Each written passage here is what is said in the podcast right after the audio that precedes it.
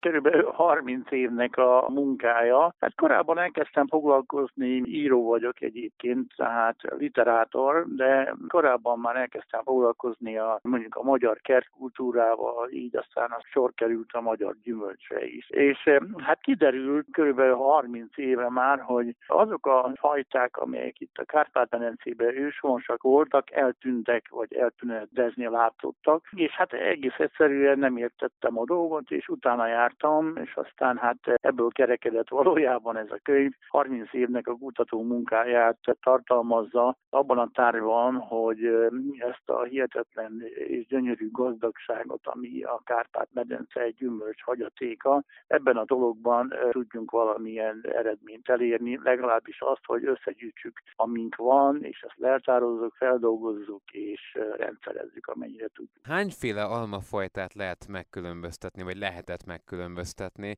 és mi adja a különbségüket? Gondolom nem egy egyszerű kérdés ez, mert az egyszeri ember az mondjuk maximum 4-5 fajtával találkozik az áruházakban. Igen, hát én is úgy gondolom, hogy mondjuk a történeti Magyarország vagy a Kárpát-medence nyilván az összes részével együtt azért egy, egy valóságos gyümölcsös kert volt valaha, legalábbis az írások ezt, tehát mindenféle történeti anyag ezt bizonyítja. A mai ember mindebből szinte semmit nem ismer, tehát ez nagyjából, mint hogyha a magyar népzene kincsét, vagy a magyar néptánc kincsét gyűjtenénk föl, hát valahogy ilyesmi munka belemélyedni abba, hogy, hogy mi történt mondjuk a magyar gyümölcsel. Nem csak az almákkal, hanem egyáltalán mindenféle kerti terménnyel. És hát ez bizony annyira megváltozott, hogy a 20.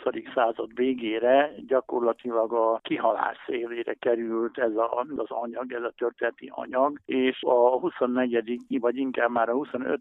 órában vagyunk. Ahogy nézzük, hát több tízezer gyümölcsfajta létezik a világban. A Kárpát-medencében körülbelül 3-4 ezer gyümölcsöt lehetett találni. Ezek, ezek közül 800 ezer az almafajta, a többi a különféle egyéb gyümölcsök. Tehát magyarán a mai ismertünkhez arányítva úgy néz ki, hogy ugye ez a 4-5-6 almát meg tudnak nevezni a vásárlók, vagy az érdeklődők, nos hát ehhez képest kb. 800-900 fajta létezett. És ez nem véletlenül létezett, mert hát ennek mindnek oka van. Ezeket nyilvánvaló, hogy, hogy ezek a gyümölcsök mondjuk a Kárpát-Merence éghajlatai rendszer, éghajlati rendszerében különféle helyeken teremtek, egészen másként viselkednek mondjuk a gyümölcsök a régi felső Magyarországon, vagy felföldön, mint mondjuk a délvidéken, Bácskában, egészen másként mondjuk Zalában, és másként Erdély különféle részein. Annyit tudunk, hogy a folyóvizek völgyében, az úgynevezett áttéri erdőkben hatalmas gyümölcsösök húzódtak,